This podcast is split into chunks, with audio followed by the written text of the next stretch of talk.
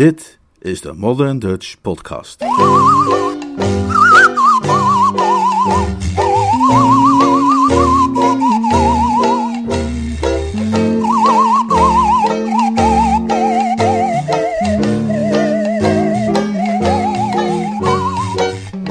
Beste luisteraars, de Modern Dutch Podcast bestaat inmiddels ruim een jaar.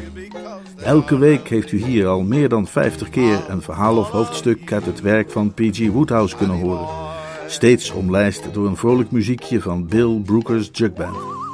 Om dat te vieren lezen we vandaag een verhaal dat een hoogtepunt genoemd mag worden uit de Jeeves en saga, getiteld Het Lied der Liederen. Dat is een titel die natuurlijk eigenlijk verwijst naar het Hooglied uit het Oude Testament, maar elke Woodhouse-liefhebber weet dat het binnen die kanon een andere naam is voor Sunny Boy. De beroemde Smartlap door L. Jolson gezongen in een van de eerste geluidsfilms. Binnen alle Woodhouse Societies wereldwijd is het inmiddels bovendien het meest geliefde lied, althans het lied dat het meest gezongen wordt op bijeenkomsten en conventies, bij feestelijke diners en in speciale wedstrijden in het zingen van Sunny Boy. Vandaag kunt u het als feestelijk toetje bij ons eenjarig bestaan aan het eind van het verhaal in zijn geheel beluisteren in de versie van Bill Brooker's Jug Band.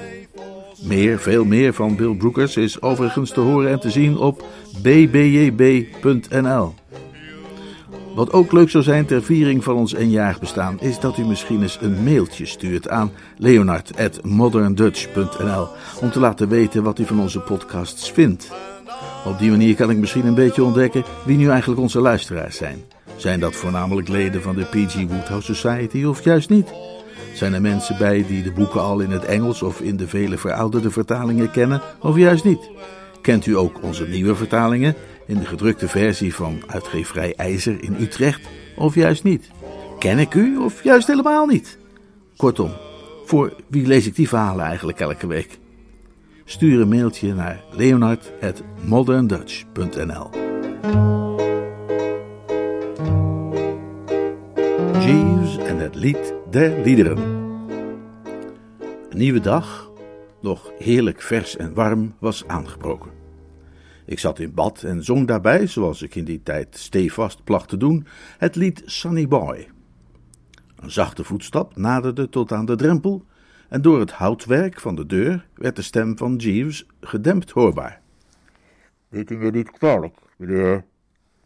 Ik was juist toegekomen aan die passage over die engelen die zo eenzaam zijn, waarbij ieder grammetje concentratie is vereist in de aanloop tot de spectaculaire slotzin, maar ik was zo beleefd mijzelf te onderbreken. Ja, Jeeves, zeg het maar. De heer Glossop, meneer. Wat is er met hem? Ik heb hem in de zitkamer gelaten, meneer. Bedoel je Tuppy Glossop? Ja, meneer. In de zitkamer? Ja, meneer. Hij wenst mij te spreken? Ja, meneer. Hm, Nee, ik zei alleen maar hm. En ik zal u zeggen waarom ik hm zei. Smans mededeling had mij ten zeerste verrast. Het nieuws dat Tuppy zich op mijn adres durfde vertonen op een tijdstip waarvan hij kon vermoeden dat ik mij in mijn bad zou bevinden en dien ten gevolge in de meest uitgelezen strategische positie zou verkeren om hem een natte spons naar het hoofd te werpen, verbaasde mij hooglijk. Ik verhief mij energiek uit de golven, drapeerde de nodige handdoeken om mijn vochtige torso en haastte me naar de zitkamer. Ik trof er Tuppy achter de piano, waarop hij met één vinger Sunny Boy probeerde te spelen. Hé daar, zei ik, enigszins uit de hoogte. Oh, hallo, uh, Bertie, sprak vriend Tuppy. Luister eens, uh, Bertie, ik moet even iets heel belangrijks met je bespreken. Hij leek me wonderlijk nerveus. Hij was wat schichtig in de richting van de schoorsteen gedrenteld, waar hij vervolgens met zenuwachtige vingers een vaasje in stukken brak.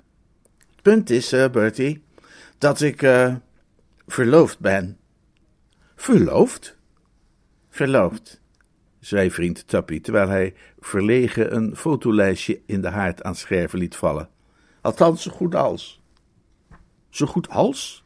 Ja, je zult haar vast heel leuk vinden, Bertie. ze heet uh, Cora Bellinger en ze studeert voor operazangeres. Ze heeft een geweldige stem.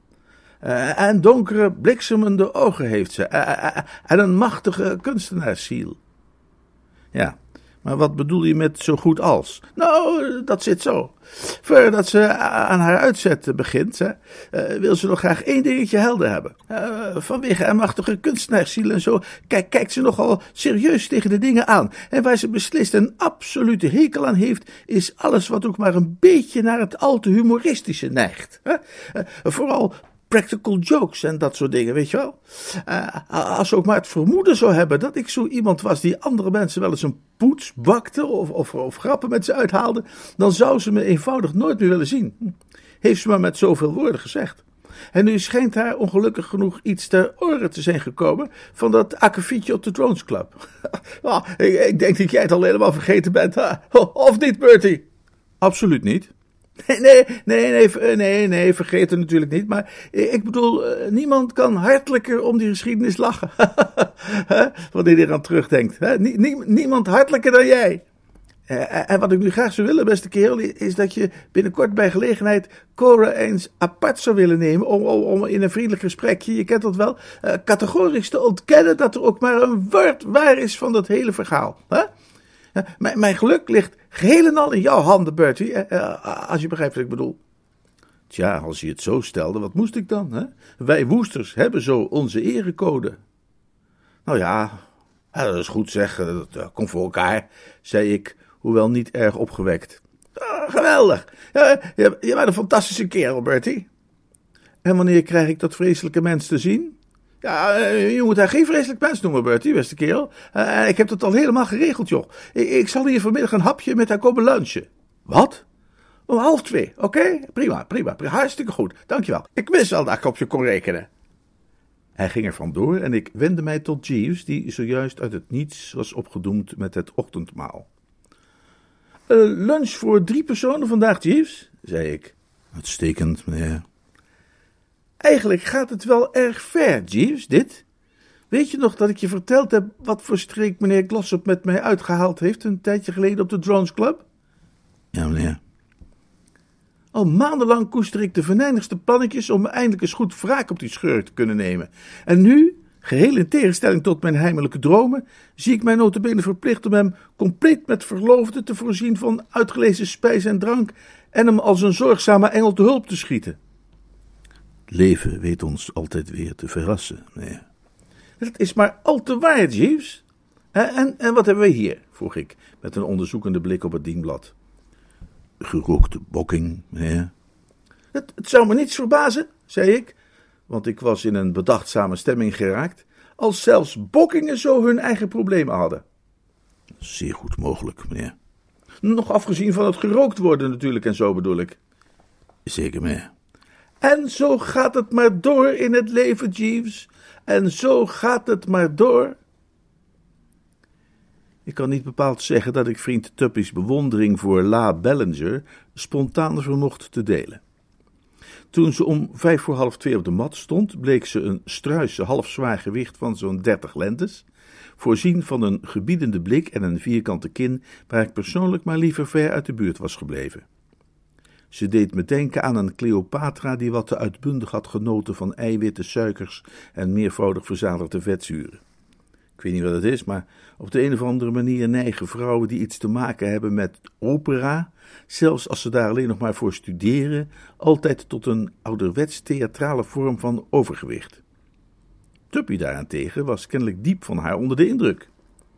Heel zijn gedrag, zowel voor als tijdens de lunch, drukte niets anders uit dan zijn streven zich haar nobele ziel waardig te maken.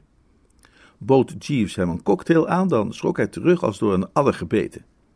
Het was gruwelijk om te zien welke verandering de liefde in hem had teweeggebracht. De aanblik bedierf eenvoudigweg mijn eetlust. Om half drie vertrok La Bellinger naar haar zangles.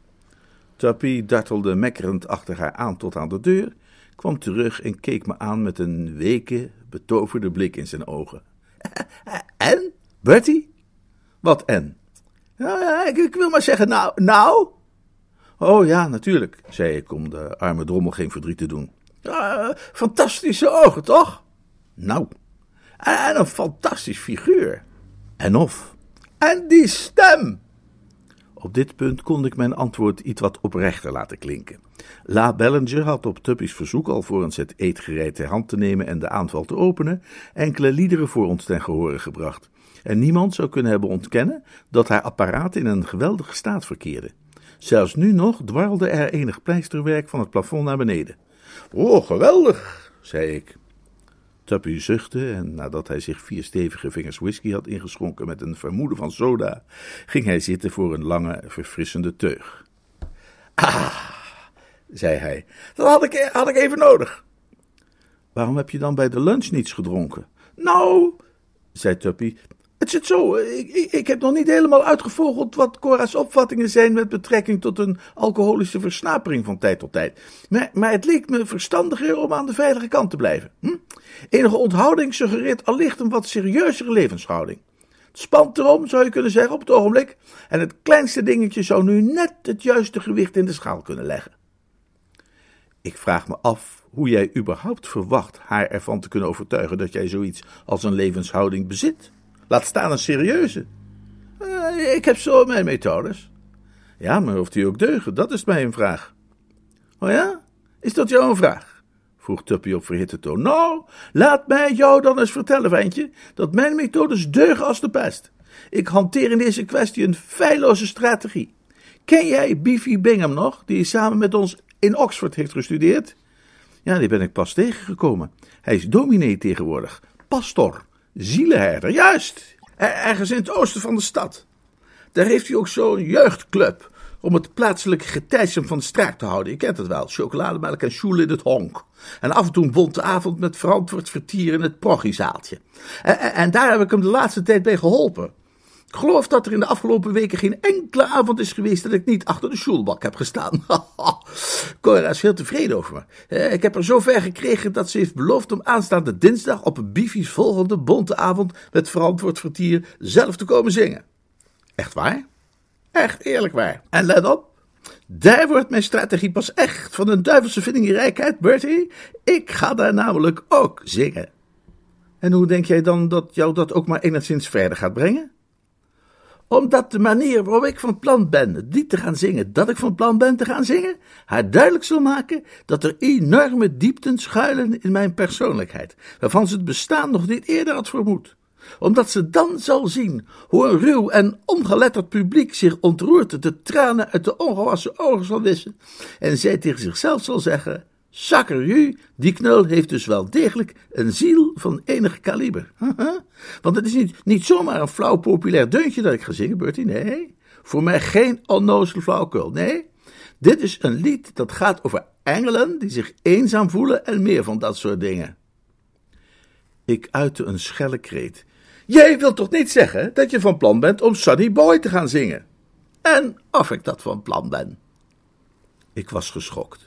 Jazeker, bliksem nog aan toe, ik was geschokt. Ik had, moet u weten, zeer strenge opvattingen met betrekking tot Sunny Boy. Ik beschouwde het als een lied dat uitsluitend door een kleine, zeer selecte groep van zangers voorzichtig mocht worden uitgevoerd en dan nog alleen in de beslotenheid van de badkamer. En de gedachte dat dit lied zou worden vermoord, openlijk vermoord, op het toneel van een parochiezaaltje, door een man die een oude makker kon behandelen op de manier waarop Tuppy mij behandeld had die avond in de drones, maakte mij ziek. Ja, doodziek en misselijk maakte het mij. Ik kreeg echter niet de gelegenheid om mijn afschuw en walging voldoende tot uitdrukking te brengen, want op dit moment trad Jeeves de kamer binnen. Mevrouw Travers heeft zojuist opgebeld, meneer. Zij verzocht mij te zeggen dat zij over enkele minuten zal arriveren voor een kort bezoek. Genoteerd, Jeeves. Maar luister nu toch eens even, Tuppy. Ik zweeg verbaasd. De hele Tuppy was verdwenen. Eh, eh, eh, wat heb je met hem gedaan, Jeeves? Waar heb je hem gelaten? vroeg ik. Nee, Glossop is zojuist vertrokken. Maar... Vertrokken? Hoe, kan hij nu zijn vertrokken? Hij zat hier net nog. U kunt nog juist de voordeur horen dichtslaan, meneer. maar waarom is hij er dan zo rap vandoor gegaan? Wellicht had meneer Glossop weinig lust mevrouw Travers te ontmoeten, meneer. Hoezo dat? Ik zou het u niet kunnen zeggen, meneer. Maar het leidt geen twijfel dat hij tot een overhaast vertrek besloot op het moment dat hij mevrouw Travers naam hoorde vallen. Merkwaardig, Jeeves. Hoogst, meneer. Ik sneed een onderwerp aan van meer gewicht. Jeeves, zei ik.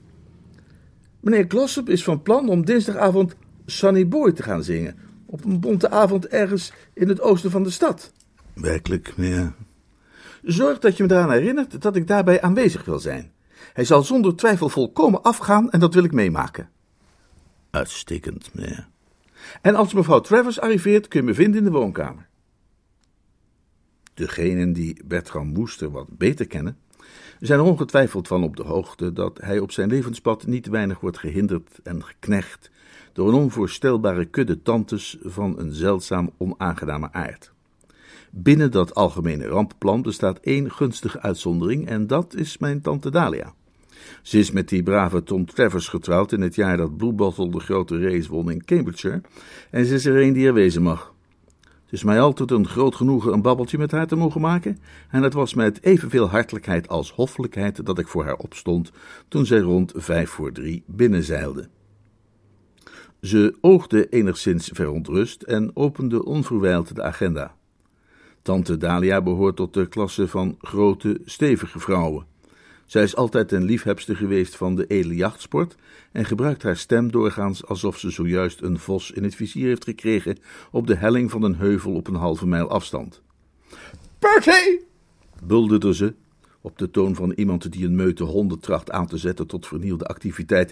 Ik heb je hulp nodig! En die zult u krijgen ook, tante Dalia, antwoordde ik ridderlijk. Ik kan u in alle eerlijkheid zeggen dat er niemand is aan wie ik liever een goede daad zou bewijzen dan aan u, beste tante. Niemand aan wie ik met groter ver... Zo kan die wel weer, stelde ze vast. Slijmjurk, ken je die vriend van jou, die jongen van Glossop? Hij heeft hier zojuist nog bij me geluncht. Oh ja, is dat zo? Nou, dan hoop ik dat je een flinke scheut vergifnissoep hebt gedaan.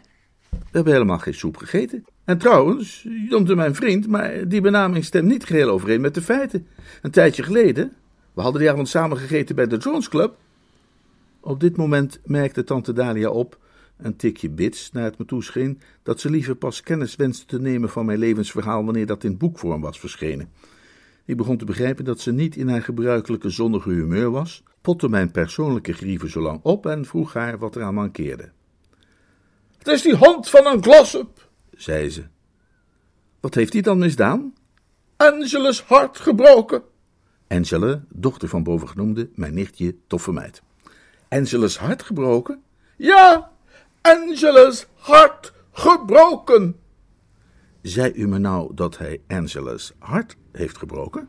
Ze verzocht me op enigszins verhitte toon de repeteermodus uit te schakelen.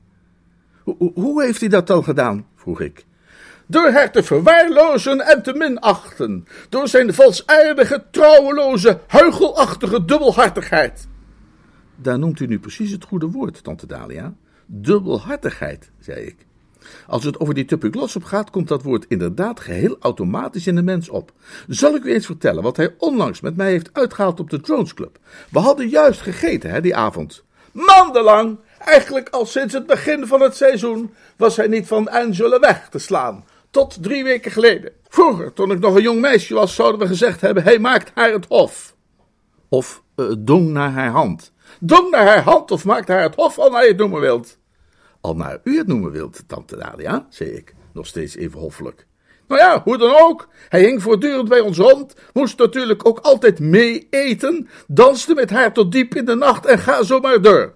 Geen wonder dat het arme kind, dat helemaal stapel op hem is, ervan uitging dat het alleen maar een kwestie van tijd was eer hij haar zou vragen om voortaan in voor- en tegenspoed samen met hem uit dezelfde ruif te eten. En nu is hij er opeens van door. Hij heeft haar laten vallen als een baksteen, omdat hij, naar ik hoor, hout op de botel is geraakt van de een of andere meid die hij op een theepartijtje in Chelsea heeft ontmoet. Kom, hoe heet het dan zo ook weer? Cora Ballinger. Weet jij dat? Ze heeft hier vanmiddag ook geluncht. Kwam hij met haar?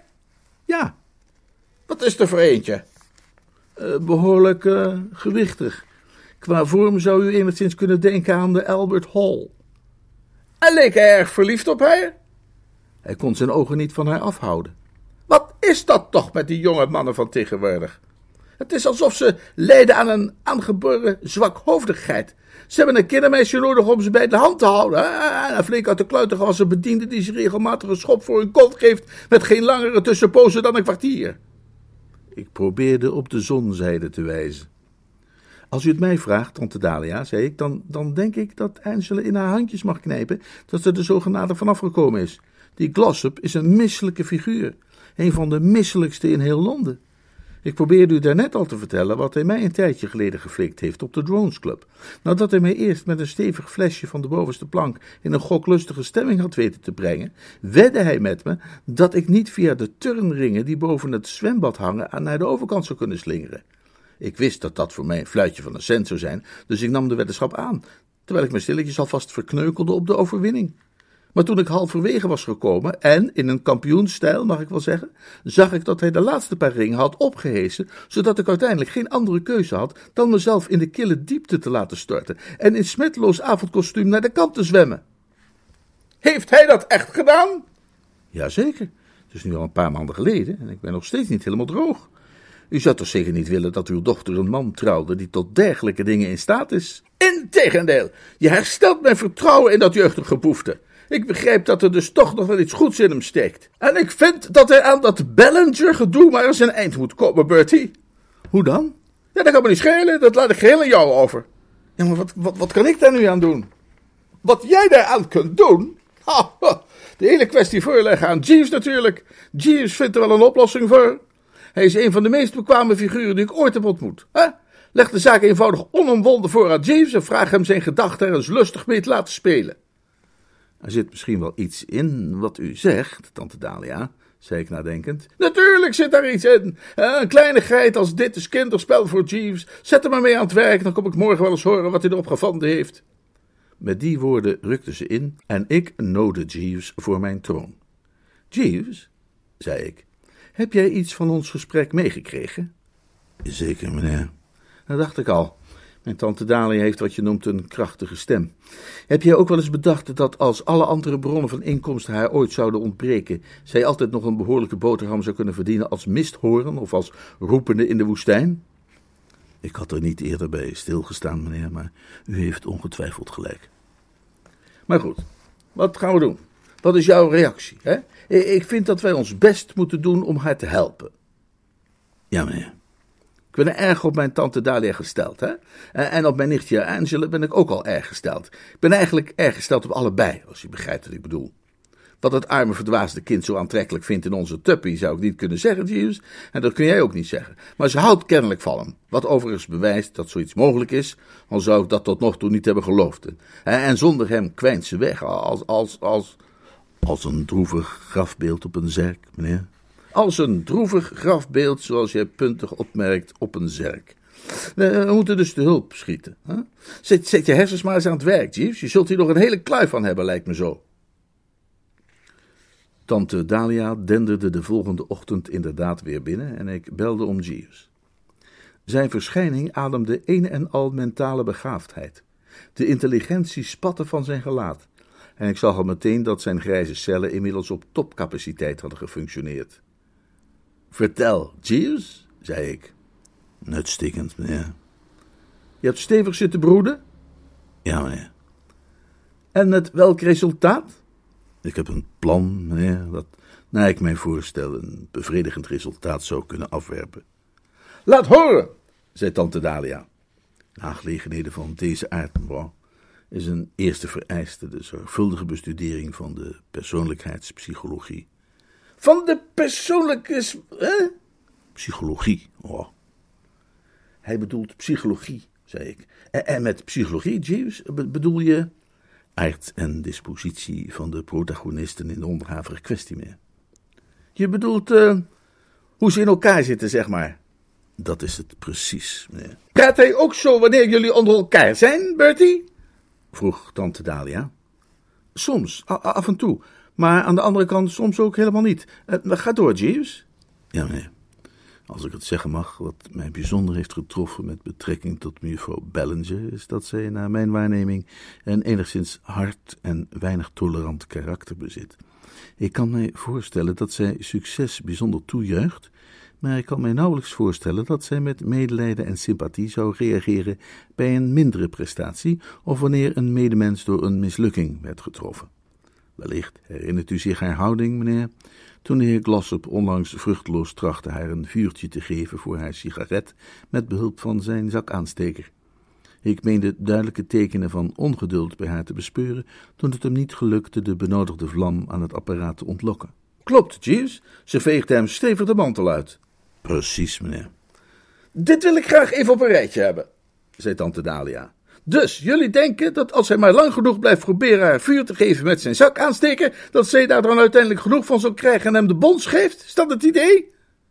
Ik bracht het incident uitsluitend in herinnering, mevrouw, ter ondersteuning van mijn vermoeden dat Miss Bellinger een enigszins meedogenloze aard bezit. Meedogenloos, zei ik. Dat is helemaal het goede woord. La Bellinger is een harde. Die ogen, hm? die kin. Ik zag het meteen. Een ijzige tand, als je het mij vraagt. Precies, meneer. En daarom dacht ik, mocht mevrouw Bellinger ooit getuige zijn van een publiek optreden van de heer Glossop, waarbij hij op een ongunstige manier naar voren zou komen, dan zou haar genegenheid voor hem daar ongetwijfeld sterk onder lijden. Wanneer hij bijvoorbeeld aanstaande dinsdag er niet in zou slagen met zijn gezang het publiek te bekoren. Er ging mij een lichtje op. Goeie hemel, Jeeves, je bedoelt dat als hij daar afgaat, zij het uit zal maken? Het zou mij ernstig verbazen wanneer dat niet zo zou zijn, nee. Ik schudde het hoofd. Ja, maar dat kunnen we niet aan het blinde lot overlaten, Jeeves. Onze tuppy die Sunny Boy zingt is van alles wat ik kan verzinnen wel het meest voor de hand liggend project om een afgang te bewerkstelligen. Maar nee, je moet toch zelf ook wel inzien dat we wat dat betreft niet simpelweg op ons geluk kunnen vertrouwen. We hoeven geen zins alleen op ons geluk te vertrouwen, nee. Ik zou willen voorstellen dat u uw vriend meneer Bingham benadert en hem uw medewerking aanbiedt in de vorm van een optreden tijdens de feestelijke avond die hij organiseert. Het zou eenvoudig zo te plooien zijn dat u een lied zou kunnen zingen, onmiddellijk voorafgaande aan het optreden van de heer Glossop. En ik stel mij zo voor, meneer, dat als de heer Glossop Sunny Boy zou zingen, direct nadat u datzelfde lied ten gehoor hebt gebracht, het publiek daarop naar onze wens zou reageren. Tegen de tijd dat de heer Glossop het lied zou inzetten, zou het publiek daar eigenlijk juist schoon genoeg van hebben en aan dat gevoelen op niet mis te verstaande wijze uitdrukking geven. Jeeves, zei tante Dalia, je bent een wonder. Dank u, mevrouw. Jeeves, zei ik, je bent een ezel. Hoe bedoel je, hij is een ezel? vroeg tante Dalia verhit. Dit is volgens mij het beste plan dat ik ooit heb gehoord. Ik, Sunny Boy zingen op Biffy Bingham's vrolijke bonte avond. Stel je voor. U brengt het lied dagelijks ten gehoor in uw bad, meneer. Meneer Woester, zei Jeeves terwijl hij zich tot tante Dalia wendde, heeft een aangename, lichte bariton. Ik geloof het graag, zei tante Dalia. Ik wierp de man een ijzige blik toe. Oh, er is een groot verschil, Jeeves, tussen het zingen van Sonny Boy in het bad en het voordragen van datzelfde lied in een zaal vol sinaasappelventers en hun kroost. Hè? Een uitgesproken verschil. Bertie, zei tante Dalia, jij gaat dat lied zingen en je zult het toch leuk vinden ook? Absoluut niet. Bertie, er is niets dat mij zal kunnen overhalen. Bertie, zei tante Dalia op onwrikbare toon. Jij gaat Sunny Boy zingen op dinsdag, de derde Dezes. En je zult het zingen als een leeuwerik dit ten hemel stijgt in het ochtendgloren. Of anders zal de vloek van een tante... Dat doe ik niet. Denk aan Angela. Angela kan de boom in. Bertie. Nee, hallo zeg, niks ervan hoor. Je doet het. Nee, ik doe het niet. En dat is het laatste wat jij over wilt zeggen? Jazeker. Punt uit. Tante Dalia, er is niets dat mij ertoe zou kunnen verleiden om op die avond ook maar één noot te zingen. En zo kwam het dat ik Bifi die middag een telegram stuurde met betaald antwoord, waarin ik mijn diensten aanbood ten behoeve van het goede doel. En tegen de avond was het zaakje rond. Ik stond op het programma als tweede na de pauze. Na mij kwam Tuppy en direct na hem mevrouw Cora Ballinger, de bekende operaster. Jeeves, zei ik die avond, en ik zei het op kille toon, je zou me verplichten wanneer je eens even langs de dichtstbijzijnde muziekwinkel zou willen lopen om voor mij de bladmuziek aan te schaffen van Sunny Boy. Ik zie me genoodzaakt om nu zowel de coupletten als het refrein uit mijn hoofd te gaan leren. En dan laat ik de inspanning en de mentale belasting die dat teweeg brengt nog maar buiten beschouwing. Uitstekend, meneer. Maar ik wil alleen wel zeggen, ik denk dat ik maar beter meteen kan gaan, meneer, De winkel gaat bijna dicht. Oh ja, snierde ik. En dat kon hij in zijn zak steken. Hoewel ik mij met vooruitziende blik mentaal gewapend had tegen de beproeving die mij wachtte, en bij mijn vertrek naar de plaats des oordeels vervuld was geweest van die moed en innerlijke rust waarmee een man met opgewekt gelaat beproeft een laatste wanhoopsdaad, moet ik toch toegeven dat er een kort moment was, direct nadat ik de parochiezaal van Oost-Bermondsey was binnengestapt en mijn blik liet dwalen over de daar verzamelde vermaakzoekers, dat ik al de taaie onverzettelijkheid van de moesters te hulp moest roepen om te voorkomen dat ik het bijltje erbij neer zou gooien en in een taxi zou springen die mij terug kon voeren naar de beschaafde wereld. Biffy's bonte avond met verantwoord vertier was in de volle gang toen ik binnenkwam en iemand die eruit zag alsof hij wel eens de plaatselijke begrafenisondernemer kon zijn, citeerde juist het schone vers Gunga Din, de waterdrager. Het publiek was niet in strikte zin aan het jouwen en boeroepen, maar het oogde desalniettemin bars, op een manier die mij helemaal niet beviel. Alleen al de aanblik van deze lieden bezorgde mij hetzelfde gevoel dat Shafrach, Meshach en Abadnego bevangen moet hebben toen ze op het punt stonden de vurige oven binnen te gaan. Een onderzoekende blik op de menigte deed mij vermoeden dat deze vooralsnog zijn oordeel opschortte. Heeft u ooit op de deur geklopt van zo'n illegaal kroegje in New York in de tijd van de drooglegging en dat luikje zien opengaan waarachter dan zo'n smoelwerk verscheen? Dan kent u ook dat lange, stille moment waarin die ogen zich boren in de uwe en heel uw leven plotseling als in een flits aan u voorbij lijkt te gaan.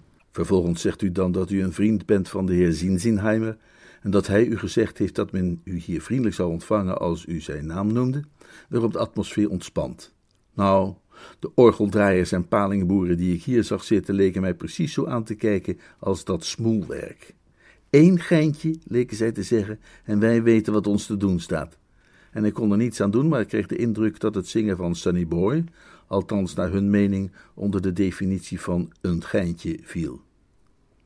Een mooie volle zaal, meneer, zei een stem naast me. Het was Jeeves die de gebeurtenissen met een welwillend oog gadesloeg. Jij hier, Jeeves? vroeg ik met kille stem. Ja, meneer. Ik ben hier vanaf de aanvang van de voorstelling. Oh ja? En zijn er al slachtoffers gevallen? Ja, jij weet best wat ik bedoel, Jeeves, zei ik streng. En doe nou maar niet net alsof je niks van begrijpt. Is er al iemand weggejouwd, uitgefloten, afgegaan? Oh, nee, meneer. Dus ik word de eerste, denk je? Nee, meneer. Ik zie geen reden waarom wij een dergelijk ongelukkig afloop zouden verwachten. Ik verwacht dat uw optreden gunstig zal worden ontvangen. Ik werd getroffen door een plotselinge gedachte. Jij verwacht dus dat alles volgens plan zal verlopen? Zeker, meneer. Nou, ik niet, zei ik. En ik zal je zeggen waarom niet. Ik heb een zwakke plek ontdekt in het gruwelijke plan van jou. Een zwakke plek, meneer? Jazeker. Durf jij ook maar één moment te veronderstellen dat als meneer Glossop mij dat verdomde lied hoort zingen, hij doodleuk een minuut later op zal komen om zelf dat lied nog een keer te gaan zingen? Ah, gebruik toch je intelligentie, Jeeves. Hij zal natuurlijk in de gaten hebben dat er zich een verraderlijke kloof voor zijn voeten heeft geopend en zijn pas inhouden. Hij zal maken dat hij wegkomt en het toneel niet eens opgaan. De heer Glossop zal u niet horen zingen, meneer. Hij heeft zich op mijn advies teruggetrokken in het etablissement De Kruik en de Fles aan de overkant van de straat, recht tegenover de zaal, en hij zal daar blijven tot het moment dat gij geacht wordt het podium te betreden. Oh, zei ik. Eh, als ik zo vrij mag zijn, meneer. Enige huizen verderop in de straat bevindt zich een dergelijke gelegenheid, de Geit en de Druiventros genaamd. Het is maar enkele passen van hier. Me dunkt dat het verstandig zou kunnen zijn de waard daar enige klandizie te gaan verschaffen. Het zou de angstige spanning van het wachten sterk verlichten, meneer. Ik was de laatste dagen niet al te blij geweest met de man, daar hij toch degene was die mij deze ellende bezorgd had. Maar ik moet toegeven dat bij deze woorden mijn norsheid een weinig afnam. Hij had zonder meer gelijk. Zijn uitspraak was ongetwijfeld gebaseerd op de persoonlijkheidspsychologie en deze tak van wetenschap had hem zelden misleid. Een rustig kwartiertje in de geit en de druiventros was precies waar mijn zenuwgestel behoefte aan had. In een oogwenk was Bertram Booster ter plekke en begon aan een kleine reeks van stevige whisky-soda's. Deze behandeling had een schier magisch effect. Wat het mengsel naast vitriol bevatte, zou ik niet kunnen zeggen, maar het veranderde mijn kijk op het leven geheel en al. De eigenaardige neiging telkens hulpeloos naar adem te snakken verdween. Ik bespeurde niet langer dat knikkende gevoel in de knieën. De ledematen staakten hun zachte trillen, de tong voelde bewegelijker aan in de mond en de wervelkolom hervond zijn stevigheid. Na nog een laatste exemplaar in de reeks te hebben besteld en ingenomen, wenste ik de juffrouw achter de bar vrolijk goedenavond, knikte een paar kerels die wat verderop aan de bar hingen en wier gezichten mij opeens uitzonderlijk bevielen, vriendelijk toe en marcheerde opgewekt terug naar de parochiezaal, overal klaar voor. Enkele ogenblikken later stond ik op het podium en een klein miljoen uitpuilende ogen staarden naar mij omhoog. Er klonk een eigenaardige zoem in mijn oren en dwars door dat gezoem hoorde ik hoe een piano begon te pingelen. Ik beval mijn ziel aan God, haalde diep adem en barstte los. Nou, het scheelde niet veel. De hele situatie is achteraf wat vaag, maar ik meen me zoiets te herinneren als een soort geroezemoes of gemurmel tegen dat ik bij het refrein was aangekomen. Op het moment zelf hield ik het voor een poging van de veelkoppige menigte om het refrein mee te zingen en ervoer ik het als bemoedigend. Ik jubelde dus de ganse psalm met alle geestdrift uit, wist ook de hoge noten te treffen en trok mij even opgelucht als elegant weer terug tussen de coulissen. Ik keerde niet voor het voetlicht terug om het applaus in ontvangst te nemen, maar daalde bescheiden het trapje af en voegde me bij Jeeves, die een staanplaats had verkozen achter in de zaal. nou, Jeeves, zei ik, terwijl ik naast hem ging staan en het eerlijke zweet van mijn voorhoofd wiste. Ze hebben in elk geval niet woedend het toneel bestormd. Nee, meneer. Maar je kunt rustig algemeen bekendmaken dat dit de laatste keer was dat ik nog ooit heb opgetreden buiten mijn badkamer. Dit was mijn zwanenzang, Jeeves. Iedereen die mij nu nog wil horen zingen, zal zich moeten vervoegen bij mijn badkamerdeur en zijn oor tegen het sleutelgat te luisteren leggen. Ik kan het mis hebben, maar het leek me toch dat tegen het einde de zaal een beetje rumoerig begon te worden. Ik meende de weeë geur van rotte tomaten al enigszins te ruiken toen ik ademhaalde voor mijn laatste uithaal. Ook ik bespeurde een zekere onrust onder het publiek, meneer. Ik meen dat de populariteit van dit lied vanavond al wat onder druk was komen te staan. Hè? Ik had het u misschien eerder moeten zeggen, meneer. Maar voordat u het podium betrad, was dit lied al tweemaal gezongen. Wat? Ja, meneer. Eenmaal door een dame en eenmaal door een heer. Het is een heel geliefd nummer, meneer. Ik staarde hem aan. Dat hij, wetende wat hij wist, zijn jeugdige meester kalmpjes langs de afgronden des doods had laten wandelen, om het zomaar eens te zeggen, sloeg mij met stomheid. Het leek nog maar eens te bewijzen dat de geest der aloude dienstbaarheid geheel en al uit onze samenleving is verdwenen. Ik stond juist op het punt om hem mijn gezichtspunt in deze kwestie eens ongezouten uit de doeken te doen, toen de woorden mij op de lippen bevroren bij de aanblik van vriend Tuppy, die moeizaam het podium opstrompelde. Onze Tuppy zag er onmiskenbaar uit als iemand die zojuist een bezoek heeft gebracht aan de fles en de kruik.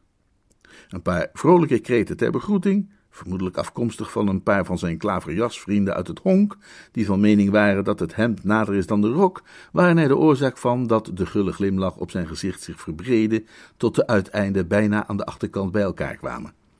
Hij voelde zich kennelijk zo vrolijk als maar mogelijk is zonder voortdurend om te tuimelen, wuifde joviaal naar zijn fans en boog op koninklijke wijze naar de zaal, zo'n beetje als een Oosterse vorst die de toejuichingen van zijn onderdanen in ontvangst neemt.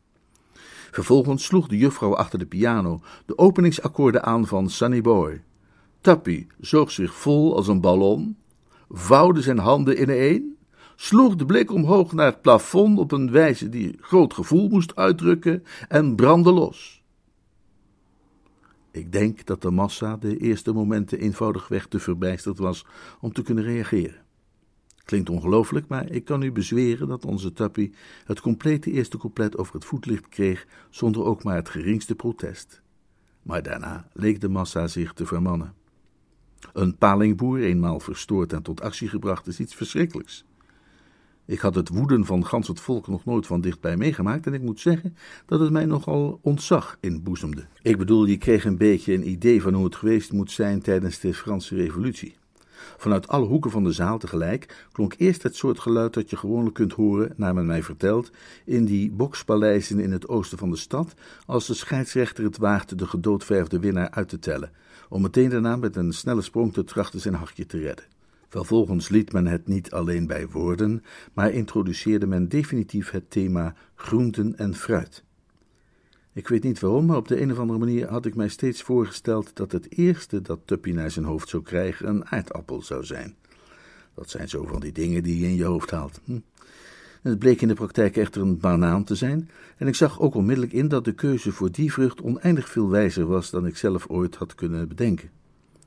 Die jongens die van kinds aan zijn opgegroeid met een praktische kennis van hoe een negatieve beoordeling van de theaterkunsten het best op een concrete wijze kan worden geuit, weten op een soort instinctieve wijze wat op dit punt het beste is. Op het moment dat ik zag hoe die banaan tegen Tuppy's overhemd uiteenspatte, begreep ik in een flits hoe oneindig veel effectvoller en kunstzinniger dit was dan een aardappel ooit had kunnen zijn. Niet dat de aardappel als projectiel niet evenzeer zijn aanhangers had. Terwijl de gebeurtenissen zich gaandeweg intensiveerden, bespeurde ik in de menigte meerdere intelligente ogende kerels die niets anders deden dan juist aardappels werpen. De uitwerking die dit alles had op onze Tuppy was uiterst merkwaardig. Zijn ogen puilden uit en zijn haar leek recht overeind te gaan staan, terwijl zijn mond zich bleef openen en sluiten, en je kon zien dat hij op een verdwaasde, onwillekeurige manier nog altijd Sunny Boy aan het zingen was. Ten slotte echter ontwaakte hij uit zijn trance en haastte zich naar de veilige oever. Het laatste wat ik van hem zag was dat hij een achtervolgende tomaat nog juist wist voor te blijven. Uiteindelijk bedaarde het tumult en stierven de laatste kreten weg. Ik wendde mij tot Jeeves. Een pijnlijke aanblik, Jeeves, zei ik. Maar wat wil je? Juist, meneer. Je weet het, hè? zachte heelmeesters en zo. Inderdaad, meneer. Tja, nu we persoonlijk hebben gezien wat hier is gebeurd, kunnen we volgens mij de Glossop-Ballinger-affaire gevoeglijk als afgesloten beschouwen. Stellig, meneer. Op dit moment betrad de brave Beefy Bingham het podium. Dames en heren, zei Beefy. Ik had gedacht dat hij zijn kuddeke na deze ongeremde uitbarsting van kritiek wel eens flink de oren zou wassen, maar dat was niet het geval. Ongetwijfeld was hij in de loop der tijd gewend geraakt aan de heilzame uitwisseling van opinies die tijdens dit soort bonte avonden met verantwoord vermaak nu eenmaal in alle spontaniteit plaatsvond, en vond hij het niet de moeite waard zich op te winden over een beetje rumoer. Dames en heren, zei Biffy, als volgende nummer op het programma staat vermeld liederen door mevrouw Cora Ballinger, de bekende operaster. Ik heb zojuist echter telefonisch het bericht ontvangen dat mevrouw Ballinger door autopech is opgehouden. Zij is nu evenwel op weg hierheen in een taxi en kan ieder moment arriveren. Tot dat moment zal onze vriend, de heer Enoch Simpson, ons laten genieten van zijn voordracht van de gevaarlijke Dan McGrew. Ik greep Jeeves bij de arm. Jeeves, heb je dat gehoord? Ja, meneer. Ze was hier niet. Nee, meneer. Ze heeft niets gezien van Tuppy's Waterloo. Nee, meneer. Je hele plannetje is in het water gevallen. Ja, meneer. Kom mee, Jeeves, zei ik, en de mensen die om ons heen stonden vroegen zich ongetwijfeld af wat dat welgesneden gelaat zo bleek en strak had gemaakt. Ik ben onderworpen geweest aan een angstige spanning zoals die sinds de dagen van de eerste martelaars niet meer was voorgekomen. Ik heb kilo's aan gewicht verloren en blijvende schade toegebracht aan mijn constitutie. Ik heb een beproeving moeten doorstaan, de herinnering waaraan mij nog maandenlang met een gil zal doen ontwaken in het holst van de nacht. En dat allemaal voor niets. Laten we gaan. Als u er geen bezwaar tegen heeft, meneer, zou ik graag de rest van de voorstelling willen bijwonen. Zoals u wilt, Jeeves, zei ik wat kregel. Persoonlijk heb ik er geen aardigheid meer in. Ik ga nog even langs bij de geit en de druiventros voor nog zo'n laatste gifkanjer en dan naar huis. Het moet ongeveer half elf geweest zijn. Ik was terug in mijn vertrouwde zitkamer, waar ik wat somber een min of meer laatste hartversterking tot mij nam, toen er aan de voordeur gebeld werd en vriend Tuppy op de mat stond. Hij bood de aanblik van een man die een overweldigende ervaring heeft meegemaakt en oog in oog heeft gestaan met zijn ziel. Ook vertoonde zijn gelaat het eerste stadium van een klassiek blauw oog. Uh, hoi, Bertie, sprak onze Tuppy. Hij kwam binnen, maar bleef wat ronddrentelen bij de schoorsteen, alsof hij op zoek was naar een klein voorwerp om mee te frunniken en kapot te maken. Uh, ik heb vanavond gezongen op die uh, bonte avond van Biffy Bingham, zei hij na een poosje. Oh ja, vroeg ik. En hoe ging dat? Fantastisch, zei Tuppy. Ik, ik, had het, had het publiek volkomen in mijn ban. Stonden versteld zeker, hè? Absoluut zei onze Tuppy. Ze hielden dat niet droog. En dat, let wel, uit de mond van iemand die een uitstekende opvoeding heeft gehad en ongetwijfeld jaar in jaar uit van zijn moeder te horen heeft gekregen dat de waarheid boven alles gaat. Mevrouw Bellinger was zeker erg onder de indruk. En of, diep. Dus nu is zeker alles in orde? Uh, ja, ja, zeker. Tuppy zweeg even. Maar kijk, aan de andere kant, Bertie. Ja? Nou, ik heb er nog eens over nagedacht. Op de een of andere manier geloof ik, geloof ik niet langer dat mevrouw Bellinger uh, de ware voor mij is. Oh nee? Nee. Waarom niet? Ach, ik weet niet. Die dingen, die dingen zie je opeens hè, in, een, in, een, flits. Ik heb groot respect voor mevrouw Bellinger, Bertie. Ik, ik, bewonder haar zelfs, maar uh, nou ja... Ik kan er niets aan doen. Ik, geloof dat een uh, lief, zachtaardig meisje als, als, als jouw nichtje Angela bijvoorbeeld, Bertie, uh, misschien toch, nou ja, hm, kijk eens hier. wat ik nou eigenlijk wil vragen, is of jij misschien Angela eens voor mij op zou willen bellen om te informeren hoe zij het zou vinden om eens een, een avondje met mij naar de bakery te gaan om, om een hapje te eten. Hè? En, en, en een dansje te maken misschien. Nou, ga je gang, daar staat de telefoon. Nou, nee, nee, ik, ik, ik zou liever hebben dat, dat, dat jij het haar vroeg, Bertie. Ja, gezien, gezien de omstandigheden zou het misschien verstandig zijn als jij eerst even... Zie je, eh, het zou wel eens kunnen zijn dat zij misschien... Uh, ik bedoel, je, weet toch zulke misverstanden. En, nou ja, en, waar ik heen wil, Bertie, beste kerel, is, is, dat ik liever zou hebben dat jij me wat de hulp schoot en eerst even een goed woordje voor me deed, als je het niet erg vindt. Ik ging naar de telefoon en belde tante Dalia's huis. Ze zegt dat je mij even langs moet komen, zei ik. Zeg tegen haar, zei Tuppy op zeldzaam devote toon, dat ik bij haar ben in minder dan een oogwenk. Hij was er nauwelijks vandoor toen ik de sleutel hoorde in het sleutelgat en zag de voetstappen in de gang. Jeeves, riep ik. Nee, zei Jeeves, opdoemend in mijn nabijheid. Jeeves, er is iets hoogst merkwaardigs gebeurd. Meneer Glossop was hier zojuist en hij vertelde me dat het uit is tussen hem en mevrouw Bellinger. Ja, meneer. Je lijkt weinig verrast. Inderdaad, meneer. Ik moet toegeven dat ik een dergelijke ontwikkeling had voorzien. Oh ja? Hoe dat zo? De gedachte trof mij toen ik zag hoe mevrouw Bellinger meneer Glossop een stomp op zijn oog gaf. Een stomp? Ja, meneer. Op zijn oog? Het rechter, meneer. Ik greep naar mijn voorhoofd. En waarom deed ze dat in hemelsnaam? Ik denk dat zij enigszins ontsteld was, meneer, door de publieksreactie bij haar optreden. Lieve hemel! Je wilt toch niet beweren dat zij ook is uitgefloten? Jawel, meneer. Maar waarom? Ze heeft een gouden stem. Jawel, meneer.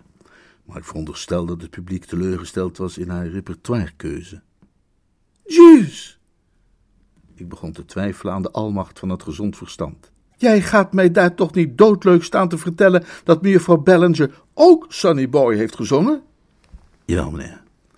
En zij was daarbij zo onverstandig, althans naar mijn mening, op het toneel een grote pop mee te nemen om het lied tegen te zingen publiek leek die aanvankelijk aan te zien voor een buiksprekerspop, waardoor de nodige verwarring ontstond. Maar Jeeves, wat een merkwaardig toeval! Niet geheel en al, meneer. Ik was zo vrij geweest om juffrouw Bellinger bij haar aankomst in de zaal even aan te spreken. Ik vroeg haar of zij mij herkende. Vervolgens meldde ik haar dat meneer Glossop mij had verzocht haar te vragen deze avond een van zijn lievelingsliederen, Sunny Boy, ten gehore te willen brengen. Ik neem aan dat zij, toen zij later vernam dat u en meneer Glossop datzelfde lied vlak voor haar optreden ook reeds hadden gezongen, moet hebben verondersteld het slachtoffer te zijn geworden van een van meneer Glossop's practical jokes. Is er anders nog iets van uw dienst, meneer?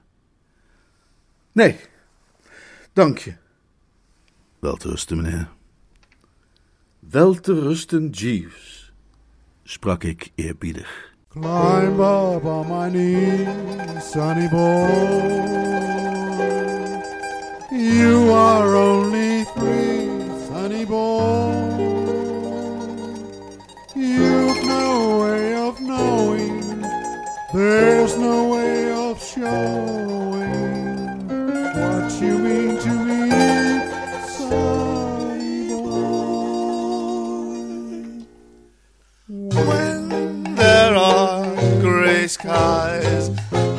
mind the gray sky. You make them blue, sunny boy. Friends may forsake me, let them all forsake me. You pull me through, sunny boy.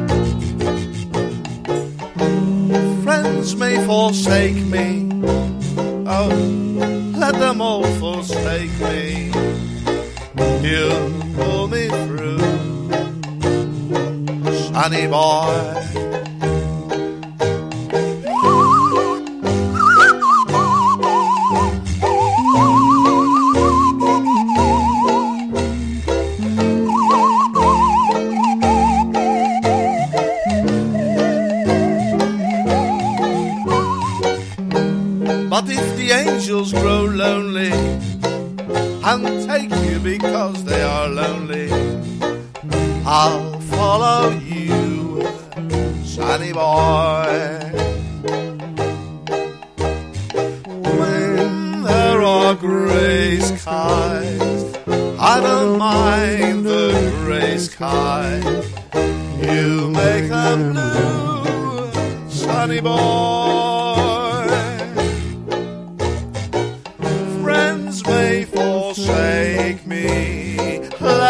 hem al